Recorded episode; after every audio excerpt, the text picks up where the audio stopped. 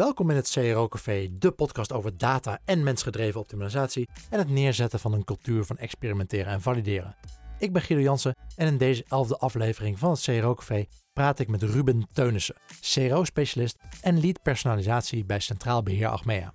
Hij werkt in een multidisciplinair Scrum team en zorgt voor gevalideerde optimalisatie van de website. Zijn specialisme is personalisatie en daar gaan we het vandaag dan ook over hebben. Deze aflevering van het CRO Café wordt mede mogelijk gemaakt door Effective Experiments en Convert.com. Mocht je nou bij een CRO agency werken of een gave CRO tool hebben en dit willen promoten, ga dan naar cro.café/partner. We hadden het in aflevering 4 al even kort over personalisatie met Martin van Kranenburg. En hij zei dat personalisatie het topic gaat worden in 2019. En uh, volgens mij staat personalisatie al meerdere jaren op de to-do-lijst van heel veel partijen. En voordat we daar dieper op ingaan en uh, hoe jullie dat bij Centraal Berg mee doen, even bij de basics beginnen. Uh, wat versta jij onder personalisatie? Ja, het is natuurlijk belangrijk dat je een, een definitie hanteert, want weet je ook waar je het over hebt. Ja. maar voor mij is personalisatie dat je de juiste boodschap toont, op de juiste positie, ook nog op het juiste moment. En dan ook nog uh, zorgen dat je dat met de juiste frequentie doet. En dat kun je op verschillende manieren doen. Je kunt dat op basis, uh, of doen op basis van wat je weet van iemand, dus op basis van persoonlijke karakteristieken. Maar ook op basis van wat iemand doet, bijvoorbeeld. Hè? Dus je acties en uh, je intentie die je daarmee aangeeft. Gaat het dan alleen maar met een, dat er rechtsboven, als ik ingelogd ben, staat hoi Ruben?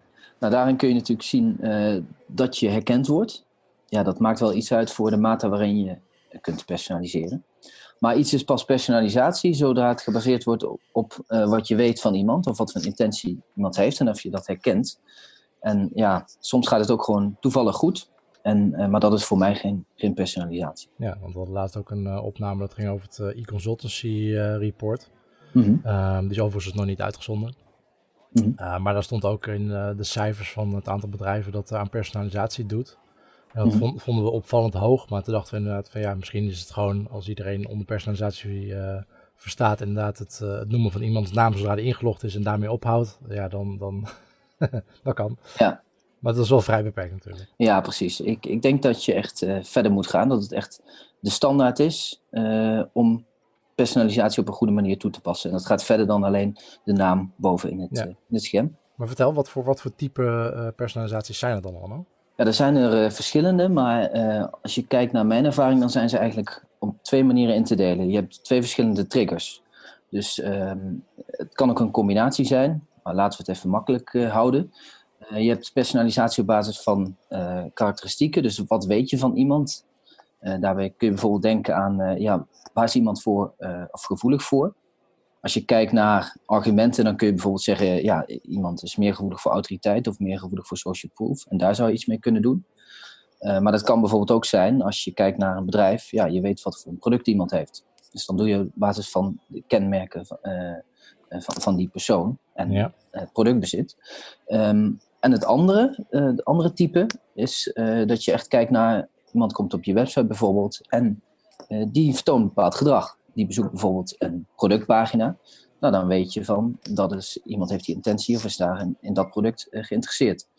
En uh, ja, het kan ook zijn dat iemand bijvoorbeeld inlogt in, het, uh, in een mijnomgeving of in een klantdomein. Hè? Ja. En eh, ja, daar kun je ook kijken wat voor gedrag vertoont iemand. stel, als je kijkt naar een, een verzekeraar, je hebt een, een inboedelverzekering. Ik ben recent ook verhuisd en eh, toen moest ik mijn inboedelverzekering uh, aanpassen. Uh, bleek later. En dan was het wel handig dat ik daarmee geholpen werd door mijn verzekeraar. Dat is dan toevallig centraal beheer. Dus... Ja, toevallig. toevallig. en kijk, als je het goed doet, personaliseert, dan zorgt dat gewoon voor meer gemak voor de klant of voor de websitebezoeker. meer relevantie. Dus ik wil eigenlijk alleen dingen zien ja, waar ik blij van word en waar ik iets aan heb. En uh, als bedrijf heb je dan het voordeel dat je gewoon voor meer conversie uh, dat het uh, tot gevolg heeft. Ja, dat, dat is over het algemeen wel het doel, toch? Van personalisatie. Ja, precies. Um, als je kijkt naar conversie kun je natuurlijk denken aan iemand wil een product afsluiten bijvoorbeeld. Hè, maar voor mij is conversie kan ook een, service doel zijn. Dus ik had het net over die inboedelverzekering, dat ik mijn risicoobjecten aanpas, zo heet mm -hmm. dat. dus omdat ik verhuisd ben. En ja, als mensen dat doen, daar, daar word je ook blij van als bedrijf. Want als iemand dan, als er iets misgaat of iemand heeft een claim, ja, dan wil je natuurlijk dat, die, dat je die persoon kunt helpen. En niet dat de verzekering niet actueel is bijvoorbeeld. Maar in verhouding met AB-testen, de personalisaties die je doet, mhm. die moet je ook weer AB-testen. Klopt, ja. Als je wil valideren of iets een verbetering is, ja, dan, dan moet je AB-testen. Dus dat doe, dat doe je dan ook met personalisaties, als je het uh, goed aanpakt. Personaliseren is in principe eh, AB-testen, maar dan op een heel specifiek segment van je bezoekers, die, ofwel waar je bepaalde gegevens van hebt, bijvoorbeeld een naam, mm of, of inkomen, inkomstengroep of whatever, aankoophistorie. Mhm. Ehm, ofwel dus wat jij zegt, de tweede, tweede groep, het product wat ze aan het bekijken zijn. Dat klopt. Personalisatie is een soort evolutie vanuit AB-testing. Dus bij AB-testing uh, eh, test je eigenlijk een controle en een variant voor de gehele populatie. Mhm. Maar het kan best wel zo zijn dat uh, de variant die voor het geheel het beste is, uh, voor specifieke segmenten niet de beste is. Stel je hebt twee compleet verschillende doelgroepen op je website mm zitten. Je hebt misschien een hele jonge doelgroep of een hele oude doelgroep. Ja. Uh, of uh, de mannen versus vrouwen, of uh, mm. kinderen versus ouders. Klant, niet klant bijvoorbeeld. Klant, niet klant, ook een hele goede. Ja. Kan je voorstellen dat die allebei iets heel anders nodig hebben. Mm. En als jij gaat AB testen, um, of multivariaat testen, ja, ja. maar je komt in ieder geval op een soort gemiddelde uit, dat het gemiddelde ja. eigenlijk beide net niet aanspreekt. Precies, en dat is iets wat je wil voorkomen. Ja. En eigenlijk is een personalisatie dus ook een AB-test. Mm -hmm. En daarmee valideer je ook of die personalisatie daadwerkelijk een verbetering is.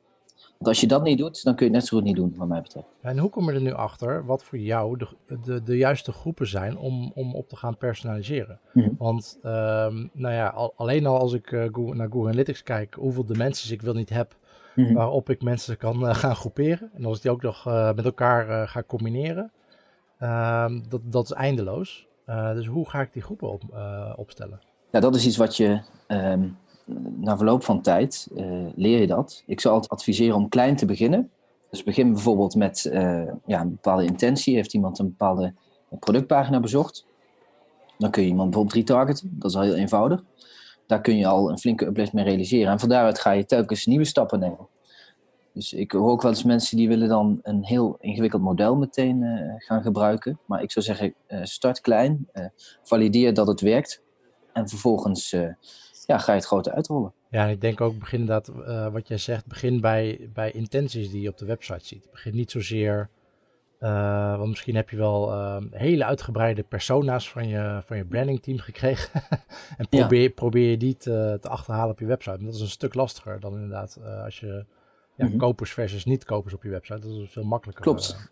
Het kan natuurlijk wel. Je kunt natuurlijk een model bouwen en dat model voorzien van data. Vervolgens wordt dat model beter en kun je dus op een bepaalde manier voorspellen wat uh, ja, nuttig voor iemand zou zijn of wat, wat werkt.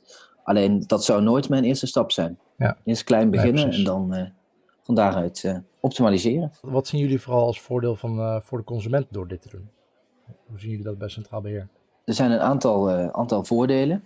Zeker als je een, een vrij groot bedrijf hebt met een breed assortiment aan producten en diensten. Want uh, we zijn niet alleen een verzekeraar, maar ook een financiële dienstverlener.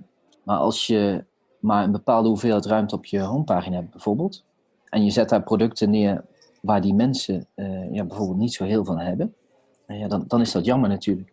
Eigenlijk zou je een productpagina willen hebben die aansluit bij wat iemand nodig heeft. En als je iemand, of weet wat de intentie van iemand is en welke producten die bijvoorbeeld eerder bekeken heeft, of eerder productpagina's die bezocht heeft, dan kun je de homepage persoonlijk maken en iemand snel een ingang bieden naar het product waar hij zich op oriënteert. Oké, dus concreet, eh, wat er tot nu toe uit jullie personalisatie is gekomen bij Centraal Beheer, is dat, dat uh, uh, er een betere hiërarchie op de website is, dus voor, voor die, die, die gebruiker. Dat hij beter, sneller vindt, dat het duidelijker is, meer bovenaan staat of, of um, gewoon um, meer obvious is waar hij op moet uh, wat, wat voor hem relevant is, de producten die voor hem of haar relevant zijn. Mm en hoe werkt het dan uh, voor mensen die bij jullie op de website die jullie nog niet kennen? Hoe gaan jullie daarmee om? Want je zegt die, die twee groepen van oké, okay, we, we, hebben al die gegevens van je.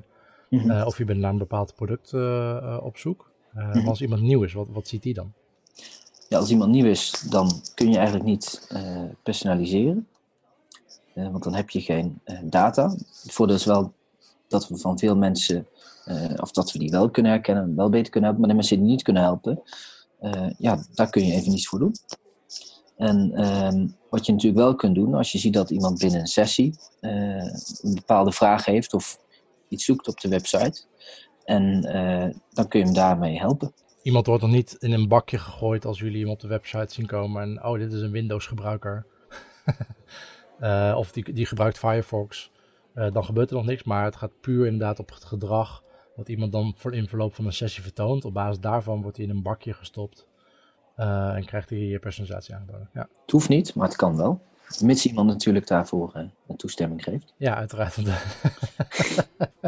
ja. hebben we sinds dit jaar ook natuurlijk. Ja. Heeft dat toch, heeft dat toch wat impact gehad uh, op jullie? Zijn, zijn er veel mensen waarop jullie nu niet kunnen personaliseren daardoor? Of valt het mij? Nou, ik, ik zou de exacte aantallen niet, niet weten. Mm -hmm. Maar ik denk dat um, je er echt voor moet zorgen dat mensen, of dat je personalisaties zo goed zijn, dat mensen ook die cookies wel willen accepteren. En ik denk dat daar een uitdaging ligt voor eigenlijk ons allemaal, dus als CRO-specialisten. Ja en onze hele community om te zorgen voor goede personalisaties. En hoe doe je dat? Nou, allereerst door inspiratie op te doen, te kijken van waar je mensen kunt helpen.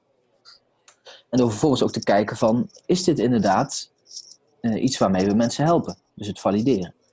En om toegevoegde waarde te leveren, want als je kijkt naar personalisatie in Nederland, uh, is laatst ook een onderzoek geweest uh, van Adobe. het Context is Everything onderzoek. Ja. En daarin zie je eigenlijk dat ehm, als je kijkt naar personalisatie, en ze hebben dan een aantal landen hebben ze met elkaar vergeleken. Nederland is dan op één hoop gegooid met België en, en Luxemburg, dus de Benelux. En daarin blijkt dat Nederland wat dat betreft nog heel wat te winnen heeft. Omdat Nederland op de laatste plaats is uh, gekomen, samen met België en Luxemburg. Als het gaat om personalisatie. Dus het belang wordt wel ingezien. Maar de mate waarin gepersonaliseerd wordt, uh, ja, die is nog vrij beperkt. Zeker als je het vergelijkt met, met andere landen. En enig idee hoe dat komt? Nou, ik denk dat um, er veel over personalisatie eh, gesproken wordt. En ja, dat, dat het best wel complex is om, om ermee te beginnen. Dat mensen dat denken. Maar eigenlijk is dat helemaal niet zo. Je, je kunt al met een uh, Google Tag Manager of, of met Google Optimize... kun je voor een, als je een kleine site hebt, kun je al beginnen met personalisatie bijvoorbeeld. Wat zijn simpele dingen die je met uh, eh, GTM zou kunnen personaliseren? Um, nou, als je het hebt over, um, uh, over bijvoorbeeld device, dat is bijvoorbeeld een, iets, ja, je kunt altijd de hoogte of de, de, breedte van je scherm, altijd beschikbaar in een browser. Dus daar zou je iets mee kunnen doen. En dan ben je niet zozeer aan het personaliseren op basis van iemands karakteristieken. Maar ja, het is wel een stuk makkelijker. Als je, als je lappen tekst op je homepage hebt, en uh, ja, die pagina is op mobiel oneindig lang. Dan kun je natuurlijk zeggen van, hey, we kijken even naar uh, device, naar de breedte en de hoogte van het scherm. Op basis daarvan passen we gewoon een homepage aan. Ik heb altijd uh, bij personaliseren het gevoel dat je, kijk, als iedereen dezelfde website voor zich ziet en je gaat eraan B-test hm. doen en je gaat hem verbeteren, Um, iedereen krijgt dezelfde website te zien. Dus ik ben ook hm. continu um, uh, dezelfde ervaring aan het optimaliseren. Mm -hmm. weliswaar voor iedereen, wat we net al hadden, dat is misschien niet handig om dat te doen, want je hebt misschien mm verschillende doelgroepen.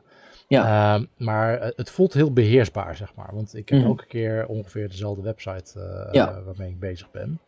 Uh, ga ik personaliseren, dan creëer ik natuurlijk allemaal andere versies van mijn website. en dat kunnen er, kunnen er oneindig veel worden. je kan ja. er naam toevoegen, je kan de producten verschillend gaan sorteren. Uh, je kan voor, verschillende dingen voor nou, klant, niet klant, verschillende context doen.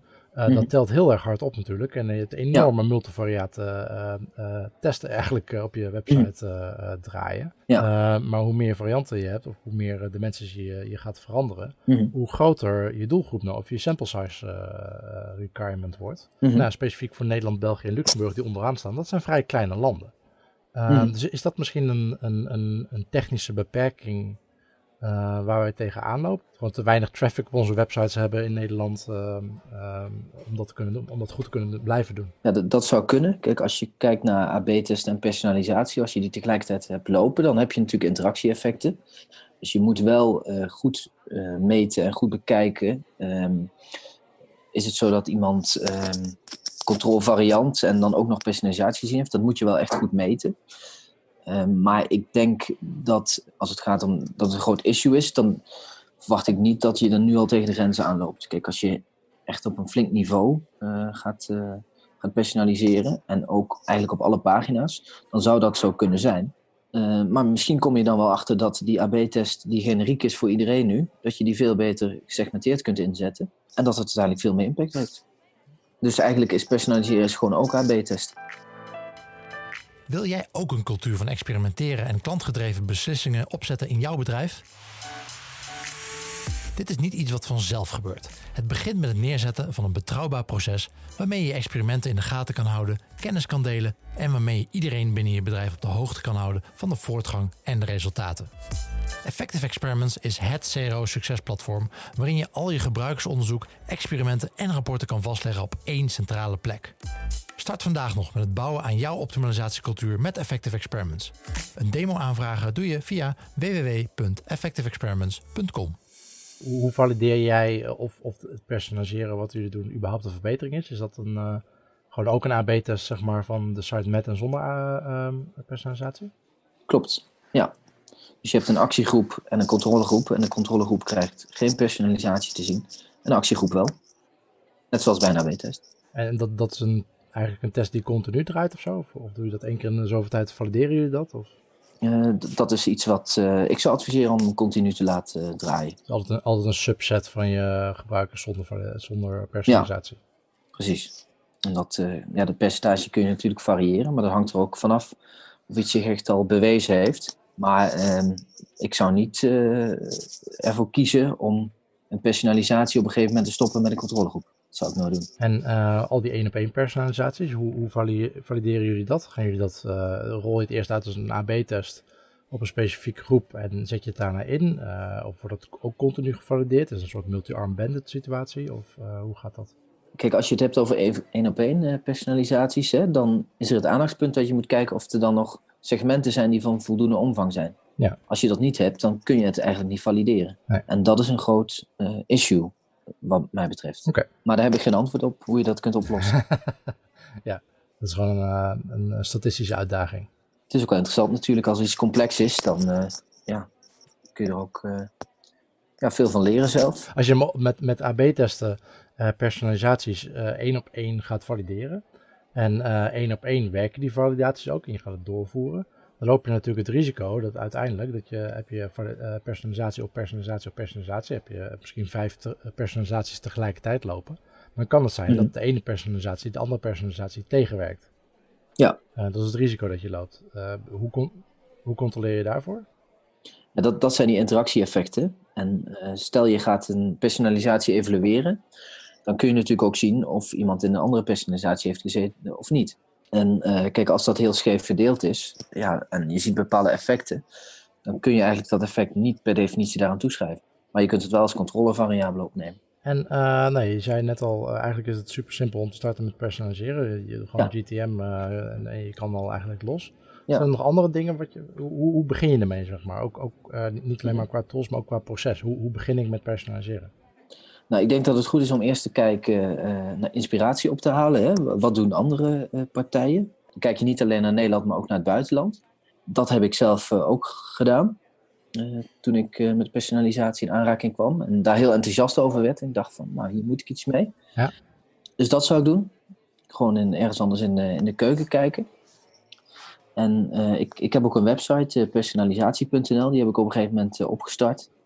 Ik zag dat die domeinnaam, uh, nou die was niet beschikbaar, maar er stond geen site op. Dus die heb ik uiteindelijk uh, kunnen overnemen. Nice, ja. En uh, daar probeer ik ook wat inspirerende cases te delen. En wat tips en trucs over hoe je kunt starten um, met personalisatie.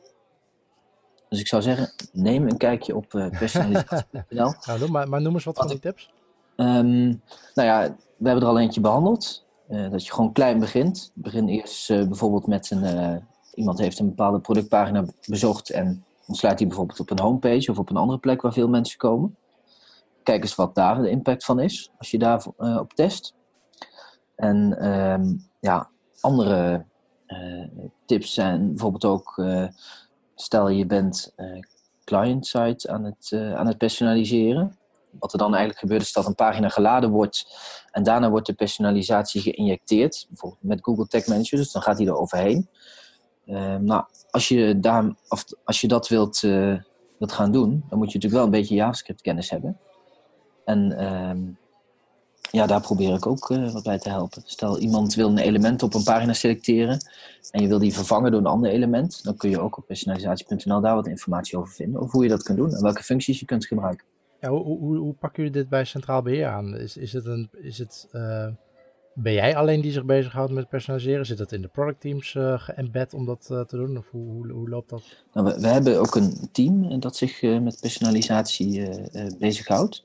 En ehm, daarnaast hebben we verschillende teams die aan de website werken. We werken middels Scrum.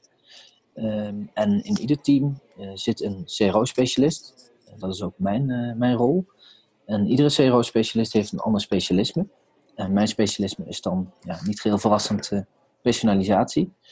Um, en, en, onderling proberen we als CRO-specialisten het personaliseren, uh, dat proberen we te faciliteren. Zodat als er binnen teams een bepaald aspect of iets speelt, en waarbij we toegevoegde waarde zien voor personalisatie, dan zorgen we ervoor dat er een case gemaakt wordt. En die wordt dan gebouwd in het personalisatieteam. Convert is het bedrijf achter Convert Experiments, de knippervrije AB-testing tool met enterprise-level security die standaard volledig voldoet aan de GDPR-wetgeving. Daarnaast is Convert een goed voorbeeld van maatschappelijk verantwoord ondernemen. De organisatie is maar liefst 100 keer CO2-positief en Convert doneert elk jaar 10.000 dollar aan goede doelen. Om te zien hoe Convert ook voor jou het verschil kan maken, ga je naar convert.com/features als een klant belt naar de klanten, uh, klantenservice. En uh, hij zegt van ja, ik zie allemaal gekke dingen op de website staan. Um, mm -hmm. volgens mij klopt het helemaal niet. Er gaan bugs en zo.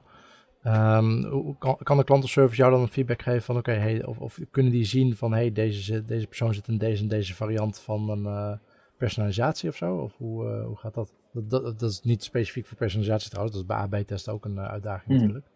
Ja. hoe lossen jullie dat op? Um, of niet? ik zou niet precies durven zeggen hoe dat, uh, of een klantservice medewerker dat kan zien. Dat, dat geloof ik niet. Uh, maar ja, je kunt dat wel in de data zien. Als iemand zijn cookies geaccepteerd heeft. Ja, dan moet, oké, dan moet je in, uh, in GA gaan zoeken, terugzoeken welke variant iemand heeft gezien. Ja, in Google Analytics kun je natuurlijk, eh, heb je alleen geaggregeerde data. Mm -hmm, ja. maar je hebt ook andere tools waarin je om een dataprofiel kunt opbouwen. Ja, precies. En ja, stel dat je een AB-test doet, dan kun je ook zeggen van uh, deze persoon uh, of dit cookie, die heeft deze variant uh, gezien. Ja. Of juist geen personalisatie gezien.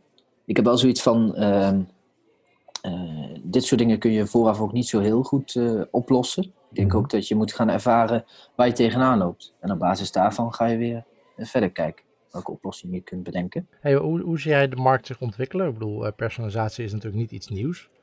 En uh, eigenlijk, nou, wat, wat, je in het begin al zegt, technisch gezien is personaliseren en AB-testen niet zo heel erg verschillend. Nee, het, klopt. Uh, je doet alleen maar een selectie uh, van de doelgroep vooraf extra misschien. Ja. als je dat niet, al niet doet bij AB-testen. Mm -hmm. Hoe zie je die markt zich ontwikkelen dit jaar of de komende jaren? Ik heb het idee dat personalisatie steeds meer een hot item is geworden. Ehm, ja, er werd natuurlijk een aantal jaren geleden werd er al wat, uh, als woord kwam je het al vaak, uh, vaak tegen. Maar echt de praktische toepassing, uh, die was er nog niet echt. En ja, het was afgelopen jaar bij Immerse Conversion, waar ik dan aanwezig was. Dat ik echt merkte dat er steeds meer een, een item wordt. En dat mensen er steeds meer van willen weten. En dat ze eigenlijk op zoek zijn naar hoe ze kunnen beginnen. En ik verwacht dat het alleen maar meer wordt. Ik bedoel, als je kijkt naar eh, de grote bedrijven van deze wereld, hè, de, Netflix, de Googles, de Amazons, die zijn er allemaal ontzettend veel mee bezig. En die zorgen voor zo'n niveau van klantervaring, dat je als ander bedrijf eigenlijk mee moet. Dus ik verwacht dat personalisatie gewoon de standaard wordt. En als je, dat niet, uh, als je daar niet mee aan de slag gaat, dan ga je het gewoon niet redden. Dus wat mij betreft, personaliseren moet je zeker doen. En ja, personaliseren kun je leren. En hoe je dat dan moet doen, uh, ja, ik zou zorgen dat je veel mensen die daar uh, wat over te vertellen hebben, dat je daar informatie bij inbrengt. en ja, ik probeer ook ervoor te zorgen, middels de kennis die ik deel op personalisatie.nl, dat, dat mensen er echt mee aan de slag gaan. Anders ga je het gewoon niet redden. Ja, het is vooral de, de consumentenvraag die dat, die dat pusht uh, veelal. Die dat, de consument die dat soort dingen gewend raakt. Nou, als ik aan het googelen ben, dat ik gewoon uh, de, de informatie vind die voor mij relevant is. Uh, ondanks dat er heel veel resultaten zijn, dat ik die resultaten voorgeschoteld krijg die, waar, waar ik wat echt wat aan heb. Ja. ook in alle andere diensten natuurlijk van Google, van die grote partijen. Mm -hmm. dat als kleine partijen, dat je daar ook mee verder moet, zeg maar, om nog uh, ja, diezelfde ervaring te kunnen bieden. Ja. Uh, wat lastig zal zijn, want het is natuurlijk een hele datagedreven uh, iets dit. Dat is, dat is zeker lastig. ik denk dat je ermee moet beginnen. Kijk, ieder bedrijf heeft wel ja, mensen die een productpagina bezoeken. En die kun je bijvoorbeeld al ontsluiten. ook wel, ja. ja. Het zou tragisch zijn als niet. Dus. Ja. Maar, uh... nee, maar het, en het is natuurlijk ook, überhaupt met, met wat dat betreft, zie ik dit ook uh, gelijk als een uh, user research en AB-testen. Ik bedoel, het geeft gewoon ontzettend veel belangrijke informatie over jouw doelgroep. En, en je leert hier ontzettend veel van, van waar, waar je je doelgroep mee kan triggeren en jouw product en dienstverlening beter mee kan maken. Ja, of je dat nu doet met personaliseren of AB-testen. Hmm. En daarmee kun je als bedrijf natuurlijk verder groeien. Ja, precies. En daarmee maak je ook het verschil ten opzichte van je concurrenten. Ja. Zeker op dit moment, want nu zijn er nog niet zo heel veel bedrijven die er echt uh, ja, flink mee aan de slag gaan en die het goed ingericht hebben. Nee, zeker in Nederland niet uh, blijkbaar. Nee, en ook als ik kijk naar mijn mailbox bijvoorbeeld, ik ontvang zo ontzettend veel e-mails per dag. Maar ik lees eigenlijk alleen nog maar de e-mails waarvan ik denk van nou daar zit inderdaad iets in voor mij. En je ziet dat dat meestal getriggerd is op basis van wat iemand, uh, wat een bedrijf weet van je. En uh, ja, als ik er iets aan heb, aan personalisatie, vind ik het prima. Hey, en binnenkort sta jij ook weer op de e-mails conversion, toch? En dan praat je ook hierover? Nou, personalisatie zal zeker uh, aan bod uh, komen. maar waar ik het over ga hebben tijdens die sessie, dat is met name hoe wij bij Centraal Beheer ervoor zorgen dat we echt een experimentgedreven cultuur hebben. Dus dat we niet dingen zomaar op onderbuikgevoel doen, ja. zonder te valideren, maar dat we echt ja, datagedreven de, de website optimaliseren. Ja. En dat is best een uitdaging om, om de cultuur ja, voor elkaar te krijgen. Ja? ja? Wat is de grootste uitdaging daarin? Ja, er zijn, er zijn tal van uitdagingen. Um, ja. Maar uh, de grootste is wat mij betreft dat um, je wilt als bedrijf wil je optimaliseren. En, maar je kunt wel iets aanpassen zonder dat je het gevalideerd hebt. Maar ja, dan weet je dus niet of het een optimalisatie is. Vaak wordt er ook aan optimalisatie gedacht zonder het te valideren. Maar dan is het niet per definitie een optimalisatie. Ah, oké. Dus dat, dat is de mindset shift uh, waar je aan moet werken, zeg maar. Uh, van ja, het is leuk dat jullie denken dat we aan het optimaliseren zijn, we zijn maar we zijn vooral aan het veranderen. Ja, precies. Okay. Hoe okay. weet je of iets een optimalisatie is zonder dat je het valideert? Dat weet je niet. Dan moet ik wel zeggen dat wij, ja, we doen veel onderzoek binnen Centraal Beheer. Dat is ook super, super interessant. we leren daar veel van. En we proberen die kennis weer om te zetten in, uh, in optimalisaties. Maar ook als je bepaalde kennis hebt, uh, bijvoorbeeld je hebt kwalitatieve inzichten. Um, en vervolgens wil je, die, uh, ja, wil je die gaan doorvoeren. Het kan wel eens zijn dat als je dat niet test, dat je iets aanpast op basis van kwalitatieve data. Dat uiteindelijk in een AB-test helemaal geen verbetering blijkt te zijn. Ja, en in kwalitatieve testen, ja, je hebt natuurlijk uh, vaak uh, wat minder mensen in een kwalitatieve test dan dat je op je website hebt. Precies. dus, uh, dus, dus daar kan een, kan een bias, bias in zitten. Ja. Of mensen kunnen er wel boos over zijn, maar het, het, het ehm, of gefrustreerd over raken over iets, maar het, het, hindert ze misschien niet om iets toch nog te doen. Precies. En dan, en dan zie je iets niet terug in een AB-test, maar kan het alsnog wel nuttig zijn om het, om het te verbeteren of, of om het te veranderen.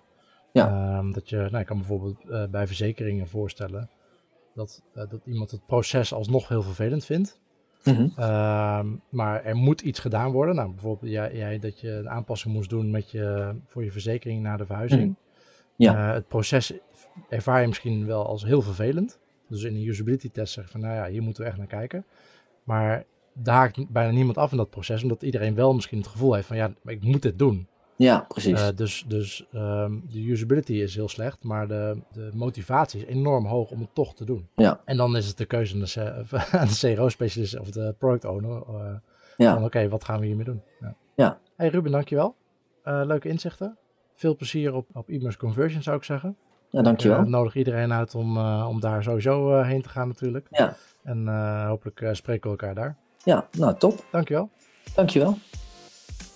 En voordat we afsluiten en ik je vertel wie volgende week mijn gast is en waar we het over gaan hebben, heb je eerst nog onze wekelijkse Neuronugget te goed. Byron Ben Barra van Neurofight Academy leert marketeers om neuro- en gedragspsychologie toe te passen. Wekelijks deelt hij één psychologisch principe uit hun trainingen met ons. En deze week gaat het over prijspsychologie en de technieken die je kan toepassen bij het vertonen van prijzen. Het brein ervaart geld uitgeven als iets verliezen en dus als negatief. En sterker nog, hersenscans laten zien dat mensen alleen al bij het denken aan geld uitgeven dezelfde pijn ervaren als bij fysieke pijn. Maar hoe kan dit dan geminimaliseerd worden? Dat is ons onderwerp voor vandaag. En uiteindelijk gaat prijs vooral om perceptie. Hoeveel het subjectief lijkt is belangrijker dan hoeveel het objectief is. Je kunt psychologie gebruiken om de prijs dan ook te optimaliseren. En er zijn veel kleine, krachtige aanpassingen die ervoor zorgen dat de perceptie van een prijs verandert.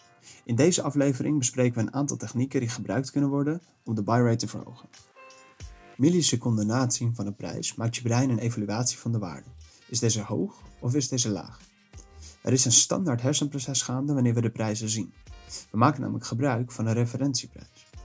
We evalueren een prijs gebaseerd op bijvoorbeeld eerdere aankoopervaringen van een soortgelijk product en we doen dat razendsnel. En toch zijn er technieken die je kan gebruiken om dit pijlsnelle mechanisme te beïnvloeden. En vandaag bespreken we er een aantal. Eén bekende manier van een prijs lager doen lijken is charm pricing. Prijzen laten eindigen op 99 cent of 95 cent. En de marketingwereld gebruikt deze techniek al jaren, maar niet iedereen weet waarom het werkt. Wanneer je namelijk 1 cent van de prijs afhaalt, verlaag je het meest linkergetal in de prijs. En dit is het getal dat het eerste wordt waargenomen en dit wordt daarmee ook de anker. Onze hersenen verwerken cijfers zo snel en zonder bewust te zijn hiervan, dat we de waarde al hebben vastgelegd voordat we de gehele prijs gelezen hebben. Je hebt vast wel eens je shoppingpartner horen zeggen dat iets 8 euro kost, terwijl het eigenlijk 8,95 euro is. Een andere manier om de prijs lager te doen lijken is door een lagere lettergreepwaarde te nemen, oftewel een korter woord. Denk aan 60 in plaats van 57. Hoe meer mentale kracht er namelijk nodig is om iets te verwerken, hoe lastiger dit wordt geëvalueerd door ons brein. Wanneer we een prijs lezen die lang is, dan werkt dat door naar de beoordeling van de prijs zelf. En de langere verwerkingstijd van de prijs gaat ten koste van onze processing fluency. Het proces van de aankoop duurt hierdoor ook langer en dit wordt dus als negatiever geëvalueerd. Een andere techniek is gebaseerd op het feit dat ons brein een universeel idee van grootte heeft. Er is een overlap tussen visuele grootte en numerieke grootte. Als je je prijs in een kleine meting afbeeldt, wordt de prijs dan ook automatisch als kleiner beoordeeld. En dit principe kan ook worden toegepast op het weglaten van de kommacijfers. De fysieke lengte wordt hierdoor korter, maar vaak ook het aantal lettergrepen. En prijzen worden toch altijd het beste ervaren wanneer ze simpel en scanbaar zijn. Ook hebben we een algemeen idee van grootte omdat we van links naar rechts lezen. Prijzen die van links naar rechts toenemen worden daarom ook beter verwerkt. Stel je een liniaal voor. De kleine getallen staan links en de grotere rechts. Deze concepten zijn verbonden met elkaar en de juiste associaties worden geactiveerd als de concepten overeenkomen. Hierdoor neemt dan ook de processing fluency toe. Denk dus aan 24 euro in plaats van 42 euro. Bij de keuze tussen twee opties is er een sterke neiging om voor het goedkopere alternatief te kiezen. Door het strategisch gebruik van een decoy kan je deze keuze beïnvloeden. Door een derde, aanmerkelijk duurdere optie toe te voegen, verandert de prijsperceptie van de andere producten ook. Een fles wijn van 12 euro lijkt bijvoorbeeld duur ten opzichte van een fles van 6 euro. Maar wanneer er ook een fles van 25 euro wordt aangeboden, is het verschil tussen de 6 en de 12 euro aanzienlijk kleiner. Dit waren alweer 5 tactieken die je kan gebruiken om de prijsperceptie van jouw product lager te laten lijken. En zoals je misschien merkte, zou je moeten kiezen, want ze kunnen niet altijd gecombineerd worden. En dit was hem alweer voor vandaag. Maar welke drie kernpunten wil je nou echt onthouden? Bij ons aankoopproces is het belangrijk dat prijzen makkelijk verwerkt kunnen worden. Prijzen die dan ook numeriek simpel en scanbaar zijn, doen het daarom vaak beter. Ook laat het brein fysieke pijn zien bij het uitgeven van geld. Het is daarom belangrijk de perceptie van prijzen op zo'n manier te veranderen dat de aankoop als verantwoord en low risk voelt. Dit kan door eerst een anker in te zetten, waardoor de volgende prijzen als lager worden ervaren, of door een decoy toe te voegen, waardoor het verschil tussen de overblijvende prijzen als kleiner wordt ervaren. Zo, de prijspsychologie Neuronugget zit er alweer op. Volgende week duiken we in de wereld van associaties en priming. Tot dan! Dat was Bijrem van Neurofight Academy met de wekelijkse Neuronugget. Is er nou een psychologisch principe waar jij meer over wil weten? Laat het ons dan weten op cero.café facebook en vraag het aan Bijrem of aan mij. En wellicht hoor je jouw topic in de volgende aflevering terug. Dit was het CRO Café aflevering 11 met Ruben Teunissen van Centraal Beheer Achmea. Links naar de genoemde rapporten en websites vind je zoals altijd terug in de show notes op de CRO.café website. Mocht je Ruben en andere CRO-specialisten nou willen zien, dan is het e-merse conversion evenement op 11 april aanstaan in Amsterdam wellicht interessant voor je. Ik ben er zelf ook en als het goed is, uh, hebben we die dag zelfs een eigen pop-up podcast studio voor het CRO Café en hebben we de hele dag een livestream waarin ik allerlei sprekers en gasten ga interviewen. Volgende week praat ik met Joris Groen van BioMinds. Zij doen veel gebruiksonderzoek en design voor onder andere KLM en Bol.com. En hij gaat mij vertellen waarom zij juist niet meegaan in de trend van het hippe neuroonderzoek zoals MRI, EEG en eye tracking. En waarom jij dat ook niet hoeft te doen. Tot dan en always be optimizing.